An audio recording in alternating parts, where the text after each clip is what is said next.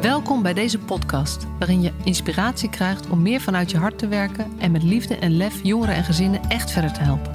Voel je waarde, voel de passie voor je vak, voel je professional vanuit je hart.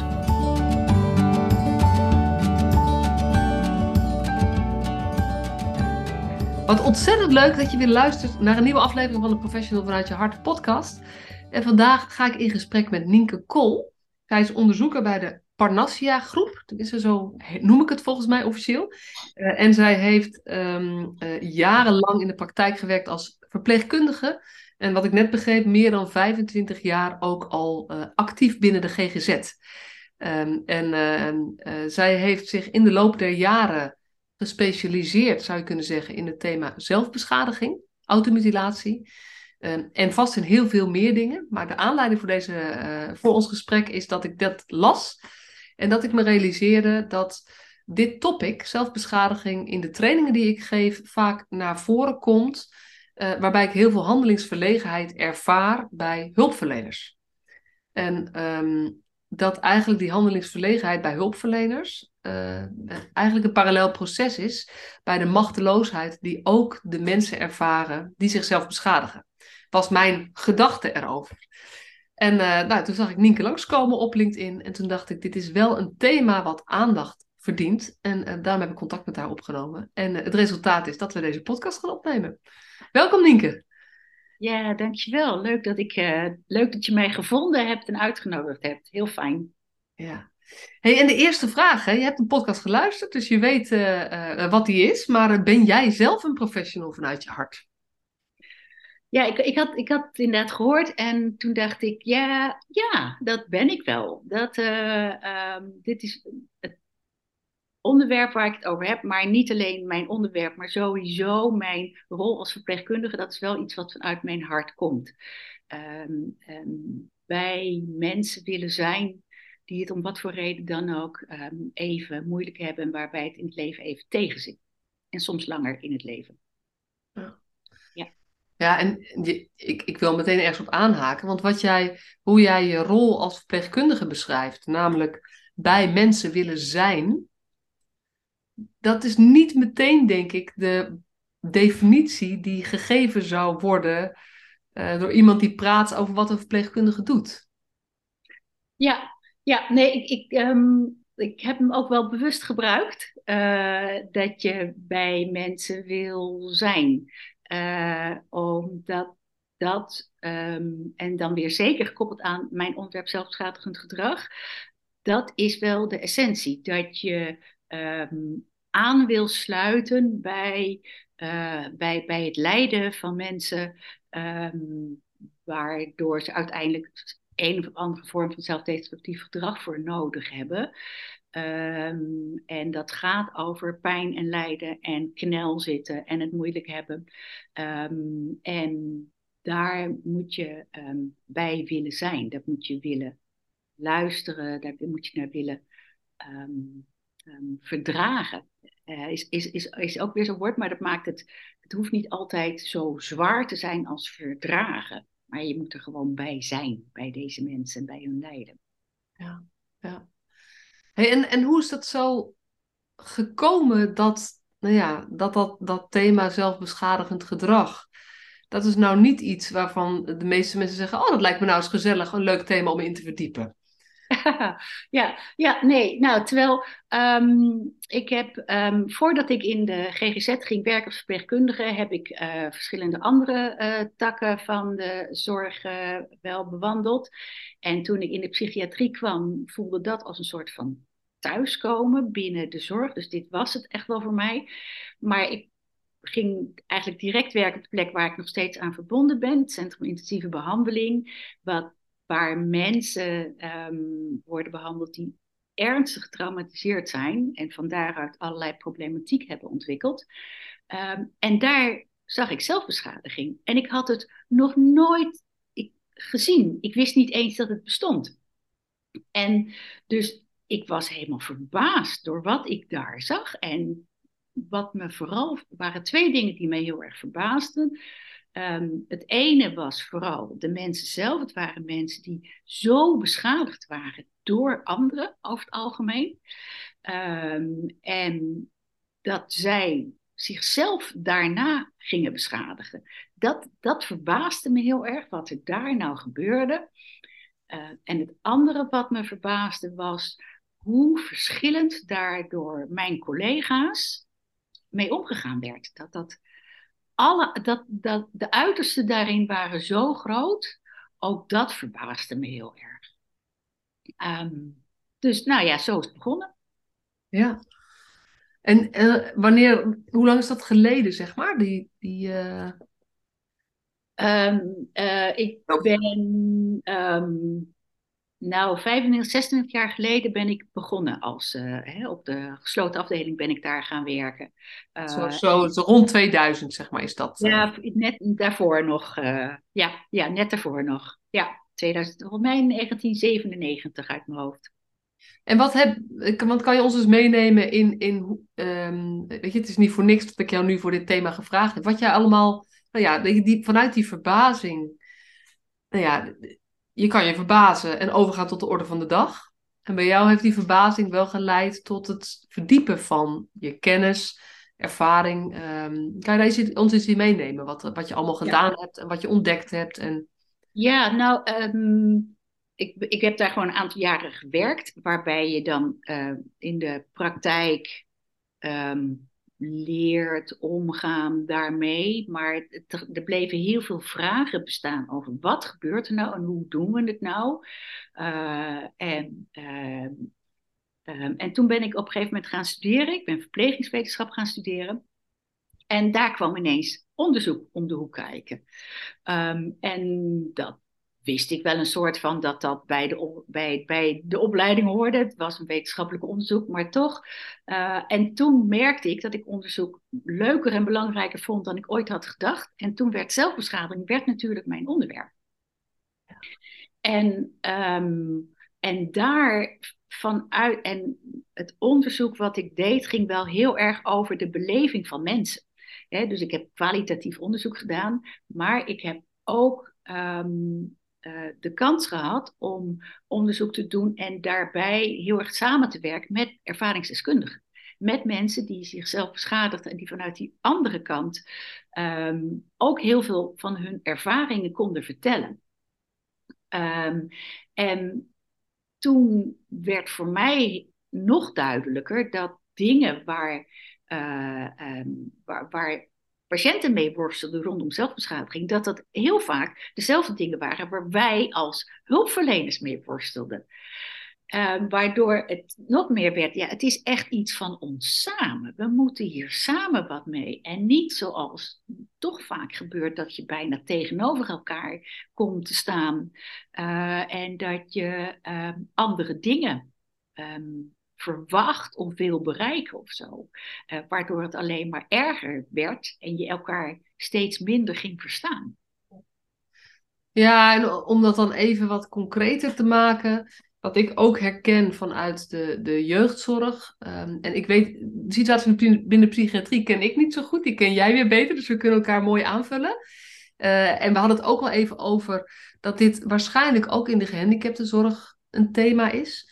En uh, vermoedelijk ook bij de ouderenzorg. Maar dat zei je al van ja, daar weten we eigenlijk nog heel weinig van. Dus laten we het even tot wat ons bekendere terreinen houden.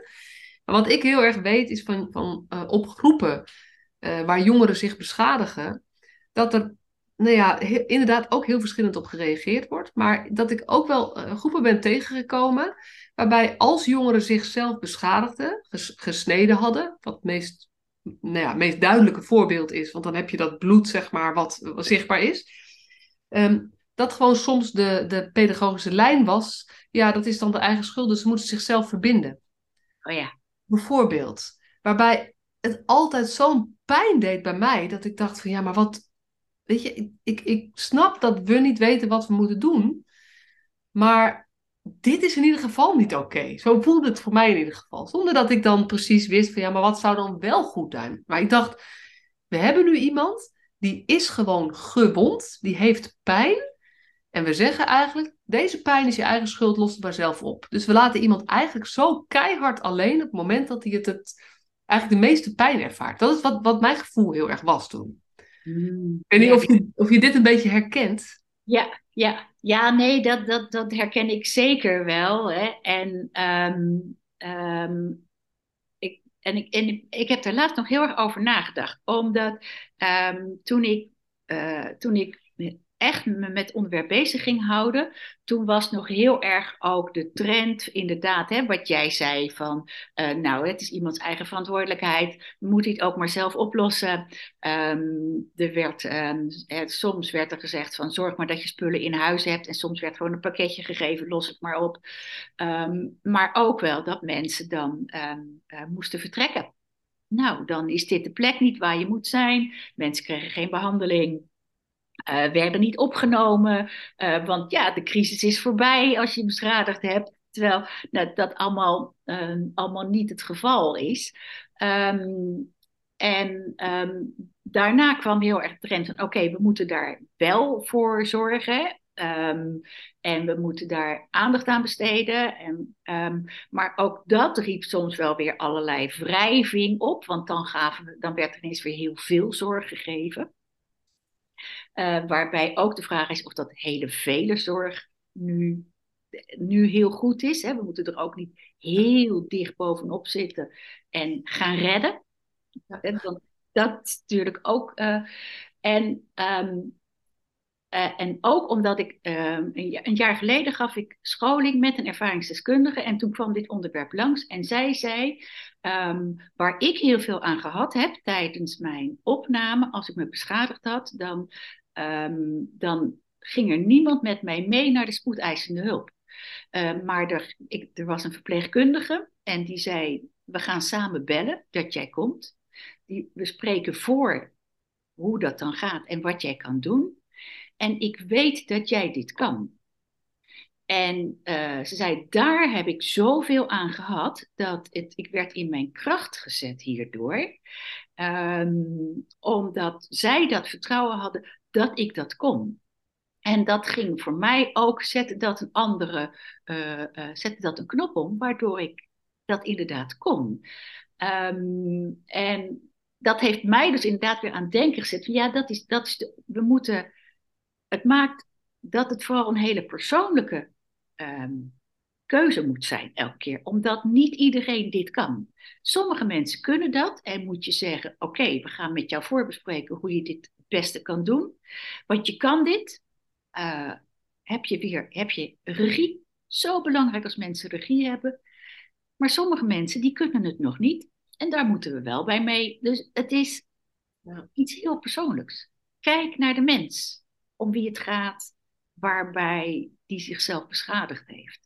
Wat is er gebeurd? Wat heeft iemand nodig op dit moment? Wat kan iemand? En um, ja, de vraag die natuurlijk in pedagogisch opzicht speelt ook, is: um, is dit niet gewoon een manier van aandacht vragen? Dus zeg maar met negeren, dat is natuurlijk, weet je, het is niet zomaar voor niks. Het is ook, het is vanuit goede intenties geweest dat mensen dachten: ja, weet je, dit is aandacht vragen op een onhandige manier.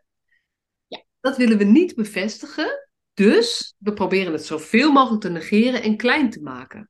Dus het is ook als pedagogische interventie bedoeld. Ja. Maar hoe, hoe kijk jij daar tegenaan? Als ook überhaupt zelfbeschadiging als dat dat, dat dat beoordeeld wordt of gezien wordt als aandachtsvragen? Ja, dat is, dat is een hele ingewikkelde, of, of een, nee, dat is niet zozeer een ingewikkelde, maar het is echt wel zo'n soort pijnpunt.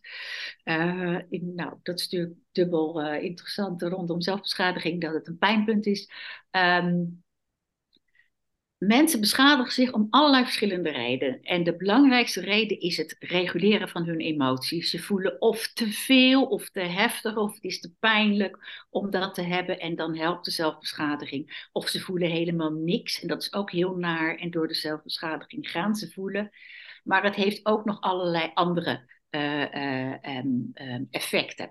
Um, mensen komen weer in contact. Uh, soms is het iets van zelfbestraffing. Soms is het ook een, vorm van communicatie. Ik heb het zo ontzettend moeilijk. Ik heb geen woorden om aan jou duidelijk te maken hoe moeilijk ik het heb.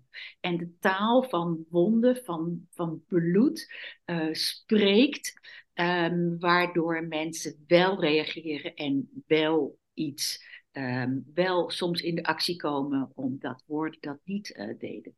Um, het kan ook nog iets zijn vanuit vroeger. Dat uh, sommige mensen zichzelf beschadigd zijn opgegroeid in gezinnen waar het allemaal niet vanzelf uh, heel veilig en heel vertrouwd was. En waar je alleen maar gezien werd als er iets heel ernstigs met je aan de hand werd, was. Dus moet je jezelf wel pijn doen, moet je wel een grote wond hebben om iets van zorg te kunnen krijgen. Dus er zitten, alle, er zitten zoveel redenen achter die zelfbeschadiging, kunnen erachter zitten. Um, maar dat stuk aandacht vragen, dat speelt soms mee. Um, is nooit de hoofdreden, maar dat kan best wel meespelen. Um, veel vanuit degene die zichzelf beschadigt. Om, en de andere kant is dat het heel lang door heel veel hulpverleners bijna alleen maar gezien is als aandacht vragen, uh, waardoor het een hele negatieve klank heeft uh, gekregen. Uh, waardoor mensen zichzelf beschadigen het ook niet meer zo heel erg durven te noemen dat het ook een manier is van communicatie, omdat ze daarop afgemaakt zijn. Um, en um, um, nou ja, eh, dus tegelijkertijd, ja, weet je, als dit de enige manier is waarop je om aandacht kan vragen, is dat natuurlijk ook heel heftig. En moet daar natuurlijk ook wat mee. dus ja, het vraagt aandacht. is, aandacht is nodig. Ja. Hoe dan ook. Ja, want ik zit naar je te luisteren en ik, ik bleef nog even hangen bij dat je zei, um, je zei al soms is het aandacht vragen. Je benadrukt al het soms stukje. Maar wat mij, mij ook raakte is dat je zei van ja, er zijn ook mensen die doen het omdat ze ooit geleerd hebben dat het de enige manier is om aandacht te krijgen. En dan is het dus wel om aandacht te vragen, maar dat is eigenlijk niet de reden. Het is, het is eigenlijk zo'n ongelofelijke uh, te, tekort komen. En dit is de enige manier waarop je daar, uh, daar iets mee kan zeggen of zo. Dus zoals, weet je, want, want pedagogisch zie ik, weet je, ik, ik, ik heb ook nog, ik heb inmiddels, ik heb vier kinderen, 15, 13, 7 en 5. En dus ook van wanneer is niet snel aandacht vragen. En bij die kleintjes denk je soms wel, ja, dit moet ik even negeren. Maar ja, ik, ik durf bijna de stelling wel aan dat het bij zelfbeschadiging nooit zo enkelvoudig is. Nee. Dat, dat als je zegt, ja, maar ze doet het om aandacht te vragen, dan doe je de mens over wie je praat op dat moment sowieso tekort. Absoluut. Ja, absoluut. Er speelt altijd meer. Altijd. Um, want als iemand um, goed in zijn vel zit, of redelijk stabiel is, en um, iets van aandacht nodig heeft, dan weet hij dat heus wel op een andere manier te brengen. Maar het is juist de combinatie met je echt al heel erg naar en rot voelen, waarbij je uh, van allerlei dingen beleeft of juist helemaal niet beleeft. Um, en dan kan je sowieso minder goed nadenken over hoe kan ik nou het beste iemand bereiken of hoe word ik gehoord. Of, uh, en dan um, is zelfbeschadiging de enige manier. Dat, als mensen kunnen kiezen, kiezen ze echt wel voor iets anders. Dat is, ja, dat zijn van die opmerkingen die, um, um, die bijvoorbeeld op zo'n spoedeisende hulp ook wel gezegd worden door dan van, ja, dat was niet zo handig, hè? Nee, de, alsof ze dat zelf niet weten dat de zelfbeschadiging niet handig is. Maar er is, was op dat moment geen andere manier. Dat nee, precies, want vaak als mensen bij de eerste hulp zijn, dan zitten ze weer, weet je, het gaat ook over het moment dat je um, uh, uit die window of tolerance vliegt. Precies. Dus als je het hebt over trauma, zeg maar, trauma, um, uh, ervaringen. Dus het is een moment waarop het rationele brein niet meer functioneert. Absoluut. Ja. Het is, dus ja, het klopt. Ze weten het op het moment dat je het erover kan hebben weten ze dat het geen handige keus was. Maar dat wil niet zeggen dat het de volgende keer niet weer precies hetzelfde gaat. Omdat het moment dat iemand het doet, heeft hij dus niet een rationele keus. Hij maakt, tenminste, als ik het goed begrijp, mensen die zichzelf beschadigen, maken op dat moment geen rationele keuze om dat te doen. Meestal niet. Meestal niet. Altijd, weet je, uitzonderingen zijn er altijd. Ja. Ja, ja nee hoor, want de uitzondering is, er zijn ook mensen die ehm, hebben heel veel controle over hun zelfbeschadiging. Ja. En zelfbeschadiging zorgt ervoor dat je je, dat je, je oké voelt. Ja. Uh, dus als je iets belangrijks moet doen, waarbij het belangrijk is dat je je oké voelt, zijn er mensen die beschadigen zich van tevoren heel bewust, weten precies tot hoe ver ze moeten gaan, uh, verzorgen het daarna ook netjes en daarna zijn ze heel oké en kunnen ze datgene doen wat ze, wat ze moeten doen. Hè? Zelfbeschadiging is ook niet altijd iets uh, pathologisch, niet altijd iets waar uh, wij van alles mee moeten. De vraag is sowieso, moeten wij er van alles mee? Maar dat is weer iets anders. Ja, oh, en dan, ik noem hem heel vaak in de podcast, want dat, het is een podcast met Mike van der Velde die ik ooit opgenomen heb, nummer 14 of zo. Die heeft gezegd, probleemgedrag is ook een oplossing. En dat geeft mij, want, want tegenwoordig gaat het vaak over, nee, maar we moeten het niet probleemgedrag noemen, maar signaalgedrag. Maar eigenlijk is het oplossingsgedrag. Ja. En dat maakt de hele framework weer anders, zeg maar. En dit is wat jij eigenlijk ook zegt. Soms is zelfbeschadiging een hele goede oplossing voor de persoon die voor je ziet waar die ook nog zelf voor mag kiezen. En wie zijn wij om daar iets van te vinden? Nou ja, precies. Dat, dat, dat, is het, dat is het ook. En ik denk dat het ehm, altijd een oplossing is voor degene die het, uh, die het, uh, die het doen. Uh, ook al werkt het maar een paar tellen, want dat is, dat is ook hoe langer mensen zichzelf beschadigen, hoe korter het werkt. Maar die paar tellen dat het wat doet, doet het wat. Dus het is, het is de oplossing uh, voor mensen om op dat, om, om even weer adem te kunnen halen, even weer te kunnen zijn. Ja, dus op het moment dat wij als professionals uh, heel openlijk of zeg maar uh, in de onderlaag van onze communicatie uitstralen, hier zou je mee moeten stoppen, dan nemen we iemand de houvast af en eigenlijk ondermijnen we ook zijn eigen oplossingsvermogen. Ja, ja. Want we zeggen, zeg maar, wat je doet is niet goed. Ja. En dat maakt eigenlijk iemand krachtelozer. Ja, nou, hey, het, is, het is echt, voor sommige mensen is het echt hun overleving. En um, de, de, nooddeur die er, altijd, uh, die er altijd is, die er ook altijd moet zijn, en er zijn mensen die hebben ook een soort uh, uh, zelfbeschadigingskitje bij zich. Hè? Een etuietje of een doosje of zo. En daar zitten wat mesjes in en um, een glas, um, maar ook een pleister en dat soort dingen. Zoals ehm, ik ook een etuietje in mijn uh, tas heb met een, met een veldje en een paracetamol en een kammetje en, en dat soort dingen. Er zit bij hun iets anders in, maar dat is wel wat ze altijd bij zich hebben voor het geval dat ze het nodig hebben.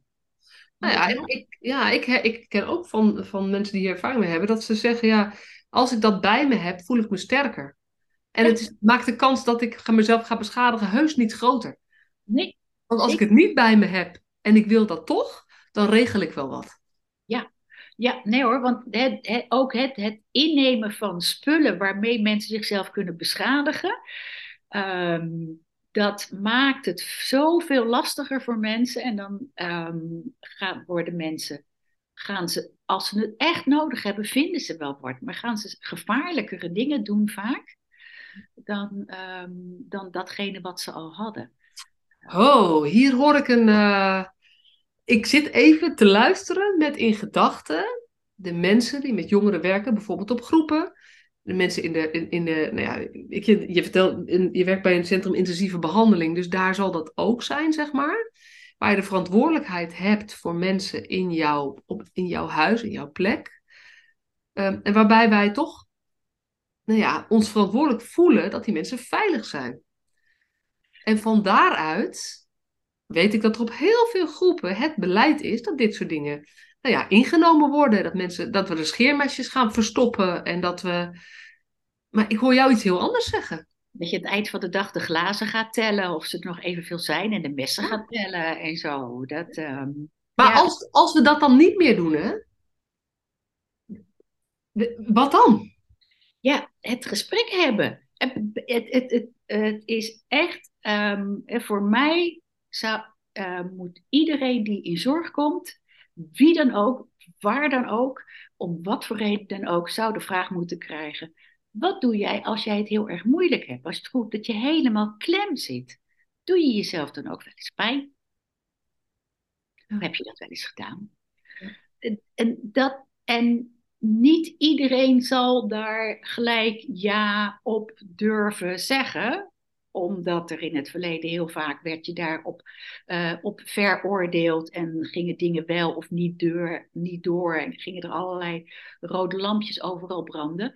Ehm, maar ehm, een aantal zullen dat ook wel zeggen en kan het daarover gaan. Uh, en um, kan je ook bespreken, wat heb jij hierin nodig? Ja.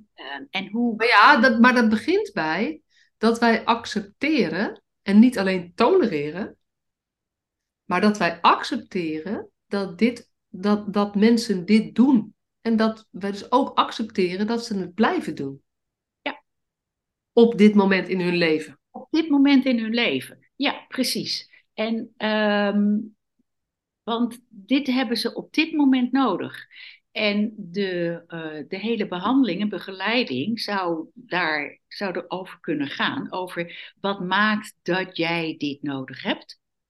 Um, wat speelt er in jouw leven of wat heeft er in jouw leven gespeeld waardoor dit nodig is. En uh, mag het daarover gaan. En waarbij het heel erg een, een soort tweetrapsweg is, waarbij je aan één kant moet het gaan over hè, wat maakt dat dit nu is. Dus wat is er onderliggend allemaal aan problematiek wat er speelt. En anderzijds moet het ook gaan over die zelfbeschadiging. Wanneer, wanneer doe je dat? Wat levert het je op? Levert het je op wat, wat je nog steeds hoopt dat het oplevert? Uh, mogen we kijken naar iets anders of, of, of liever niet?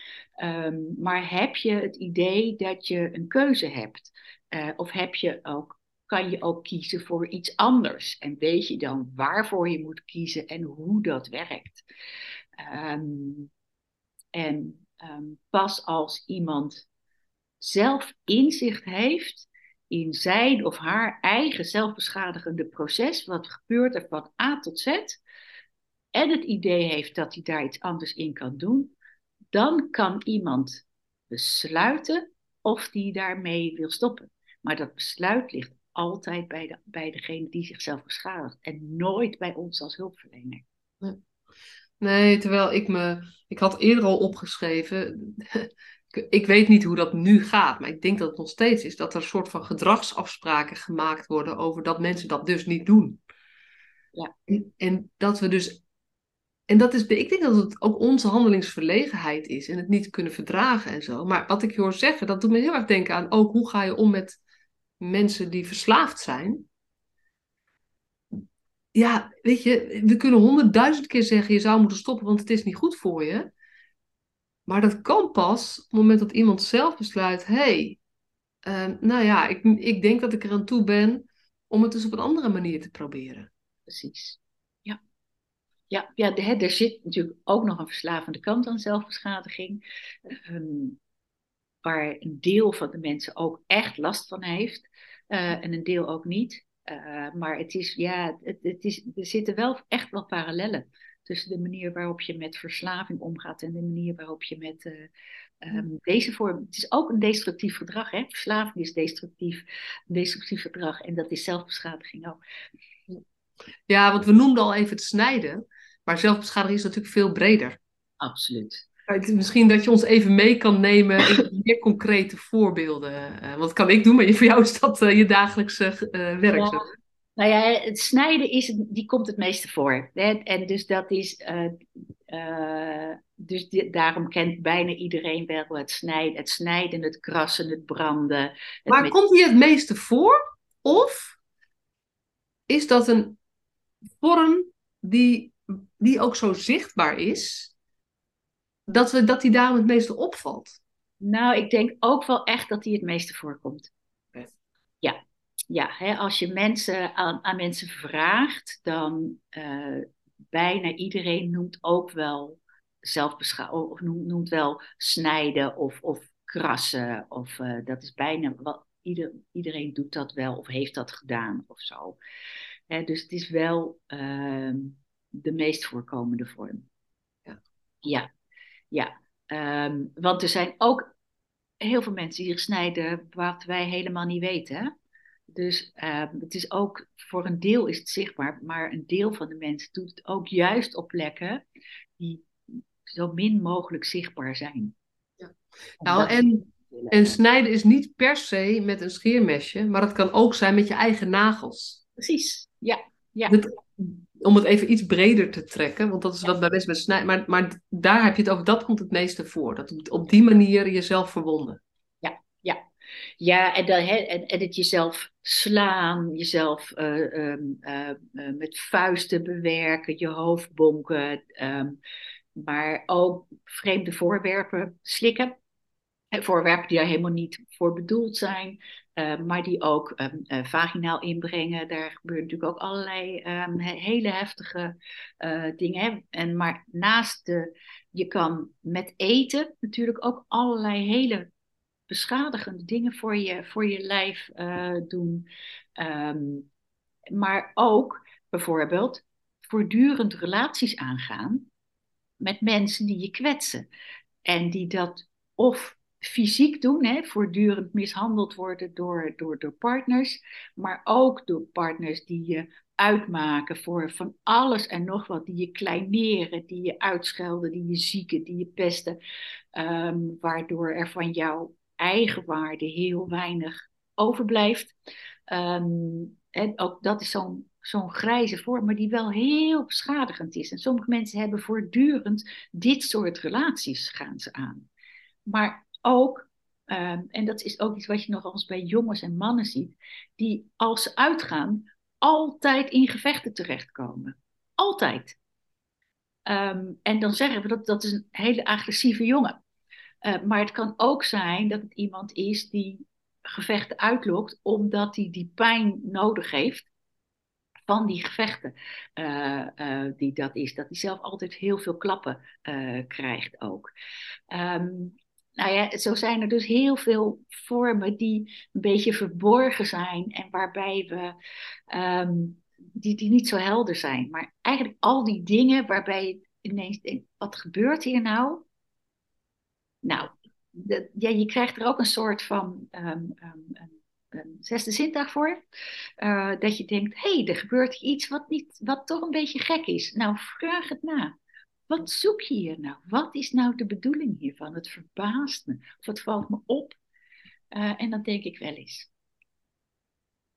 Wat, heb je die pijn nodig? Ja. Zoek je die dus, pijn? dus wat helpt is als jij als professional, maar dan zul je dus eerst van je eigen oordeel af moeten over dit gedrag, want anders kan je die vraag niet stellen. En dat is natuurlijk waar nou ja, dat hele boek en die podcast over gaat. Hè. dit gaat over wat voor houding. Die basishouding heb je nodig. Maar dan helpt het heel erg als jij het durft te benoemen. Ja, ja. Oh, zo belangrijk. En gewoon ook, en daar niet omheen draaien. geen vage termen gebruiken en zo, maar gewoon benoemen wat je wat je voelt of wat je denkt. En je mag, je mag echt eindeloos nieuwsgierig zijn. Uh, als, je maar, als je dat met respect doet en met een open houding, willen weten, wat maakt nou dat dit gebeurt, dat je dit doet? Ik wil, ik, ik, ik wil weten wat er, uh, wat, wat er speelt en wat er dan met je gebeurt. Ja. Maar wat ik je hoor zeggen, want ik, ik vind het woord nieuwsgierig heeft altijd twee dingen. Je hebt namelijk ook een vorm van nieuwsgierigheid die over jou gaat. En dit gaat veel meer over oprecht echt interesse hebben om de ander te willen begrijpen. Want nieuwsgierigheid zou meer zijn van hoe vaak snij je dan en hoe diep dan. En dat is, dat is ook nieuwsgierig zijn. Maar nieuwsgierigheid naar, naar het technische deel, volgens mij is dat niet wat je bedoelt. Het is niet dat je, daar moet je het ook over durven hebben, maar het gaat veel meer over, hé hey, maar wat gebeurt er bij je? En als iemand dan ook wil vertellen hoe vaak het is, dan is dat prima. Maar het is niet dat dat is wat jij per se zou willen weten. Nee, nee, is, minder, is minder belangrijk. Ja, weet je, eh, soms als iemand zichzelf net beschadigd heeft of, of zo, dan wil je wel um, um, soms weten, hè, is het een wond die verzorging nodig heeft? Want ook hè, sommige, een vorm van zelfbeschadiging is ook dat je jezelf beschadigt en de wond niet uh, verzorgt. Maar zorgt dat die ontsteekt en dat die lelijk wordt en allerlei andere dingen. Dus soms uh, mag je mensen ook daarin uh, uh, daarop attent maken dat ze recht hebben op zorg en dat het kan en dat dat mag. Um, en als iemand voor je zit met een wond waar de bloed uitloopt, denk ik niet dat je het gesprek aan moet, maar dat dan moet eerst die wond moet verzorgd worden. Dat is ook, ook dat is wel zorg. Um, maar dat, uiteindelijk gebeurt dat weinig. Um, en gaat het veel meer over, nou, wat gebeurt er? Ik wil weten wat, hoe het bij jou zit, waarom jij dit nodig hebt. Ja, dus het gaat, je, moet, je vraagt naar de zelfbeschadiging, maar je vraagt vooral naar de laag die eronder ligt. We gaan niet op het gedrag reageren, maar we gaan op zoek naar wat is, wat is het verhaal. Ja. Want dat is de enige manier om eventueel, als die persoon zelf zover is, en misschien is dat nooit, um, uh, iets met dat gedrag doen. Maar in ieder geval dat het voor de persoon zelf um, uh, in control komt of zo. Ja, ja, ja, ja. Dat, um, ik heb een van mijn, mijn, eerste onderzoek naar zelfbeschadiging ging over waarom mensen gestopt waren met zelfbeschadiging. en dat waren mensen die zichzelf echt heel ernstig hadden beschadigd. En, uh, en een van de mensen die ik sprak, die zei: Ik ging eindelijk ging ik, ik ging mezelf begrijpen. Ik ging snappen wat er met mij gebeurde, wat er in mij gebeurde. Um, en daardoor ging ik er wat mee, ging, ging ik het een beetje snappen en kon ik er wat mee. Voor die tijd. Ik wist, ik wist echt niet wat er het, het overkwam me, het gebeurde. En um, ja, ik deed het wel zelf, maar wat er gebeurde, geen controle daarover. Geen idee wat er speelde. Uh, dus nou, ja, dat is natuurlijk zo, zo belangrijk. Als we vragen om, om gedrag te veranderen, dat kan alleen maar als je snapt waarom je iets doet. Pas dan kan je wat veranderen. Je moet het zelf snappen. Ja, maar dat betekent dat de verwachtingen die er, nou ja, die professionals van zichzelf hebben, maar ook die de maatschappij heeft van wat professionals voor elkaar zouden moeten krijgen, dat we, dat we het daar met elkaar over moeten hebben. Dat, dat, zou jij, vind jij dat eh, stoppen met zelfbeschadiging bijvoorbeeld een doel zou moeten zijn van een behandeling? Nee. Nee. Nee, dat, uh, ik, dat, dat, vind, ik, uh, dat vind ik niet.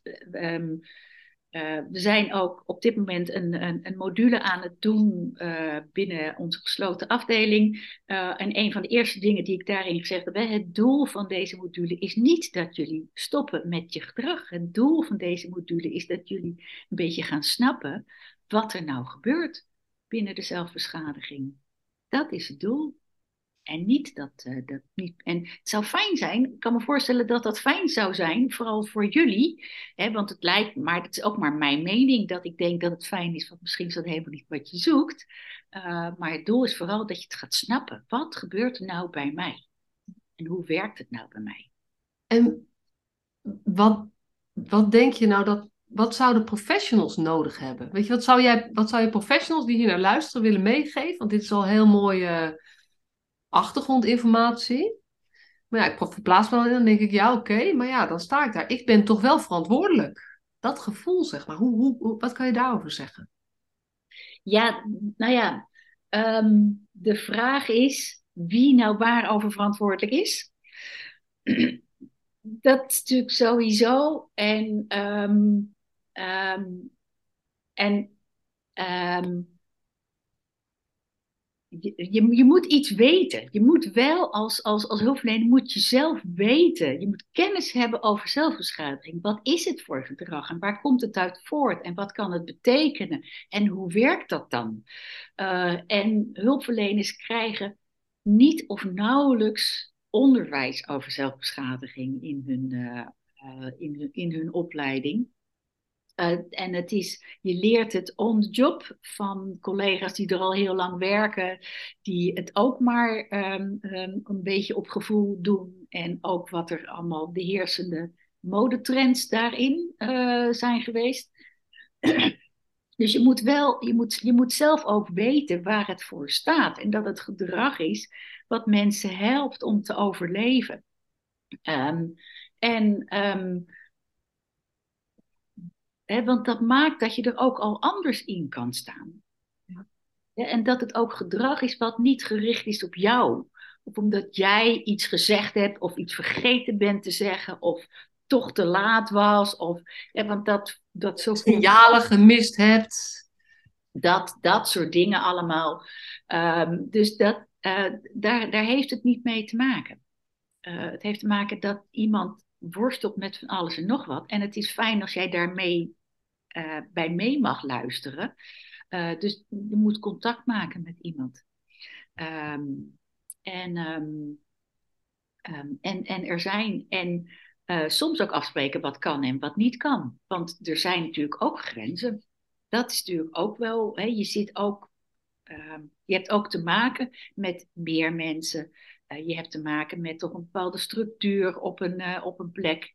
Um, dus daar ja, moet je ook mee worstelen soms. Maar daar kan je wel dingen over uitleggen. En je kan er wel over in gesprek gaan. en, dus het is ook duidelijk maken aan, aan, aan patiënten of cliënten. Dit is wat ik kan bieden. Dit is, en, maar er zijn ook dingen die ik niet kan. Nee, maar daar is ook weer zo ontzettend belangrijk. Ga je die grens stellen vanuit um, het is niet oké wat je doet en daarom stellen we die grens? Of stel je die grens vanuit, joh, weet je, dit gaat niet over wat je doet, maar dit gaat over het effect van wat, wat voor jou nodig is, het effect wat het heeft op de mensen die hier ook wonen. En weet je, begrijp je een klein beetje, in ieder geval probeer je een klein beetje te begrijpen, want ik denk dat je, dat, dat is wat je, wat je kunt zeggen daarover. Ehm, en ik wil graag met je, met, je, met je bekijken van hoe kunnen we zorgen dat, het, dat ik jou niet iets afneem, maar dat, dat we ook het, nou ja, zorgen dat anderen er niet extra door beschadigd raken, bijvoorbeeld. Ja, ja, ja, absoluut. Ja, ja nee, want, want um, regels hebben een doel. Uh, en dat doel moet, voor, dat moet natuurlijk voor iedereen heel helder zijn. Op de eerste plaats voor de hulpverlener. Die moet snappen waarom die een bepaalde grens stelt. En niet omdat we dat nou eenmaal doen. Uh, dat, hè, er moet... nou, en wat ik hoor zeggen, en dat is ook hoe ik altijd, weet je, regels. Ik vind regels met betrekking tot zelfbespraak, eigenlijk gaat het over afspraken. Want dit moet op maat zijn. Dus het is een, een regel, want, want je kan eigenlijk moeilijk zeggen, hier op deze, of je het nou voorziening of groep of plek noemt, mag niemand dit of dit of dit doen. Want daarmee, je zegt eigenlijk, ja, je, moet, je, je moet kijken, wat is voor de, want bij de ene persoon moet je eigenlijk juist wel verbinden. En bij de andere persoon moet je juist zeggen van, joh, weet je, ik weet dat dit heel naar is. Uh, hier heb je de spullen die je nodig hebt om jezelf te verzorgen. Dus dit moet op maat zijn eigenlijk, zoveel mogelijk. Zeker, ja, ja, ja. Ja, heel erg. Dat, uh, dat is belangrijk. Ja. ja, en afspraken vind ik ook altijd een ingewikkeld woord. Als je ze op de goede manier toepast, dan zijn het afspraken. Maar we noemen ook zo vaak dingen afspraken waarbij wij als hulpverlener bepalen wat iemand wil en wat iemand mag. En dan kan iemand er, er alleen maar ja of nee op zeggen. Klopt. Dus, ja. uh, dus, dus, daarom, denk ik, daarom noem ik het afspraken. Want ik denk alles wat rondom dit thema gaat, zou op die manier moeten gaan in plaats van opgelegde regels van buitenaf. Want dan laten we die mens die het zo moeilijk heeft eigenlijk in de steek. Ja, absoluut. Is op maat? En dan zeggen we gewoon van, joh, weet je, even jammer dat jij het zo moeilijk hebt, maar zo doen we het nu eenmaal. Ja. Dan denk ik, ja. hey, we zijn bijna door de tijd heen. Gaat heel snel. Ja, zeker. Ik, ik, ik denk dat het een thema is wat heel veel vragen oproept. Dus ik zou je eigenlijk willen voorstellen dat um, mensen die de, deze podcast luisteren, um, mij een mailtje kunnen sturen als ze vragen hebben. En um, dat als je dat, nou, ik, weet eigenlijk zeker dat je ja zegt, maar dat, dat als ze wat vragen hebben, dat we gewoon een vervolgafspraak maken. Uh, en dat we dan de vragen die ik binnenkrijg als een soort handleiding nemen om, nog, om er nog eens over verder door te praten. Zou je dat, uh, wat vind je daarvan? Ja, vind ik prima. Ja, ik kan me heel goed voorstellen. Het roept altijd vragen op. Waarom? Dus, uh, en nu is het alleen maar mijn brein, zeg maar. Maar ik denk, het, het is ook daar wil ik, ik wil er een beetje mee experimenteren in de podcast. Voor het eerst dat ik dit doe. Mhm. Maar dit thema is zo groot en eigenlijk zo weinig ehm, dat we goed weten hoe we met elkaar daarover moeten praten. Dat ik denk, dit is een heel mooi moment om eens mee te beginnen. Dus mocht je vragen hebben over dit thema, stuur ze naar masha.professionalvanuitjehart.nl. Masha is met M-A-S-C-H-A. Uh, en ik ga nog nu nog niet zeggen wanneer we een vervolg doen, maar ik ga gewoon eens even afwachten wat hiermee gebeurt. Uh, en het lijkt mij heel erg waardevol om, uh, om naar aanleiding daarvan nog eens, nog eens hierover te praten. Um, er is wel één thema wat, wat, wat niet aan bod is geschreven, maar wat wel onwijs belangrijk is. Heel vaak gaat het over zelfbeschadiging en suïcide in één zin. En ik denk dat dat een van de, van de belangrijkste overkoepelende thema's. Zou je daar heel kort nog iets over willen zeggen? Ja, zelfbeschadiging is zeker geen suïcide. Zelfbeschadiging is voor een aantal mensen zelfs het voorkomen van suïcide. Um, en zelfbeschadiging doen mensen omdat ze klem zitten, maar vooral omdat ze verder willen. En ze willen juist door met leven. Ze zitten nu klem en nu weten ze niet zo goed wat ze moeten doen, maar ze willen juist door.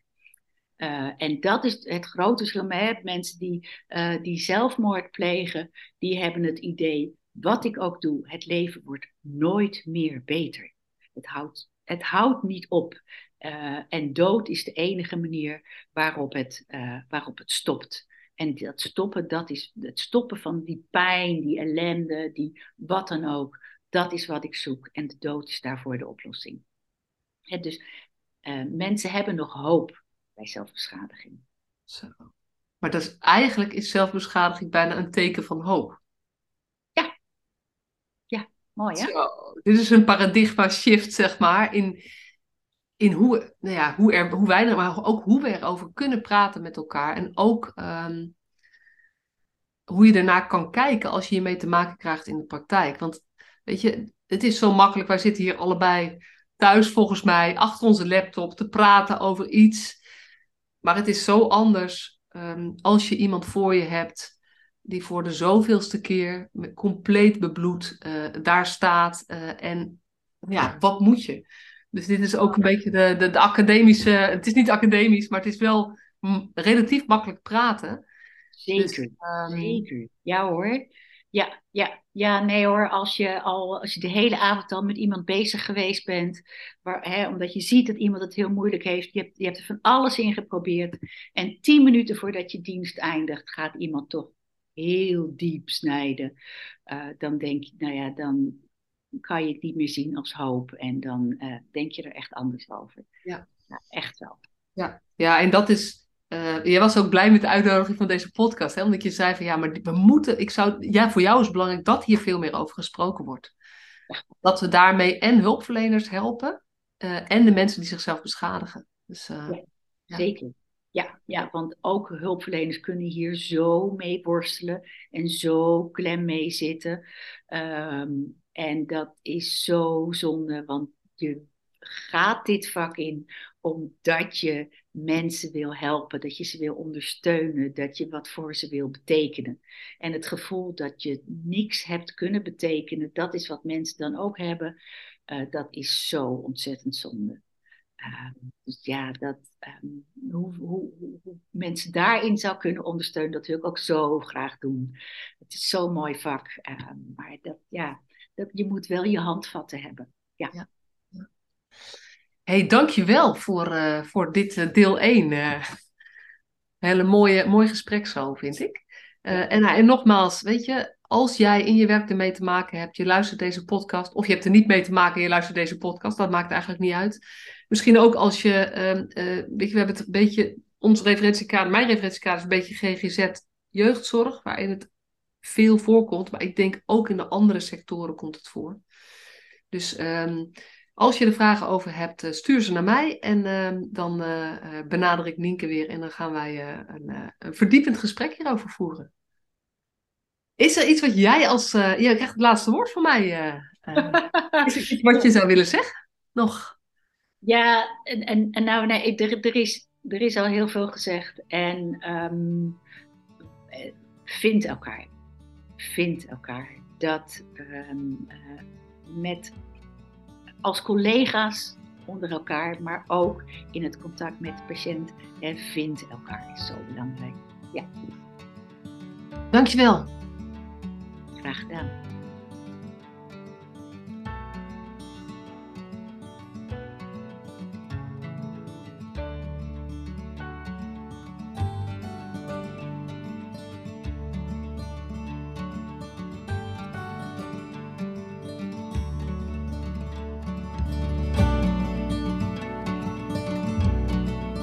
Superleuk dat je weer luisterde naar deze podcast. Dankjewel. Nog even kort een paar belangrijke dingen. Ten eerste, het is mijn missie dat de jeugdhulp weer een sector wordt waarin bevlogen, liefdevolle professionals jongeren en gezinnen echt verder helpen. Daarom maak ik deze podcast voor jou. Wil jij deel uitmaken van deze beweging van Professional vanuit je hart, waarin professionals elkaar steeds opnieuw inspireren? Begin dan met het lezen van mijn boek. Je kunt de eerste hoofdstukken helemaal gratis lezen. Ga naar professionalvanuitjehart.nl slash boek. Ten tweede, wil je alle podcastafleveringen overzichtelijk onder elkaar? Abonneer je dan op deze podcast. Klik in je podcast-app op de button subscribe of abonneren. En elke keer als er een nieuwe podcastaflevering gepubliceerd wordt, ontvang je automatisch een berichtje. Ten derde, ondersteun je mijn missie? Geef me dan een review via je podcast-app, bijvoorbeeld iTunes of Spotify. Op die manier kan ik nog meer professionals bereiken. En ken je een collega voor wie deze podcast ook interessant is? Dan zou het super zijn als je hem of haar de podcastaflevering doorstuurt. Bijvoorbeeld door de link te kopiëren via Spotify. Ik vind het altijd heel leuk om berichtjes te ontvangen van luisteraars om te horen wat je van een podcast vindt, of als je misschien vragen of suggesties hebt. Of als een aflevering je een bepaald inzicht heeft gegeven of er iets in beweging is gekomen. Stuur me dan even een berichtje op masha.professionalvanuitjehart.nl via de website of stuur me een connectieverzoek op LinkedIn.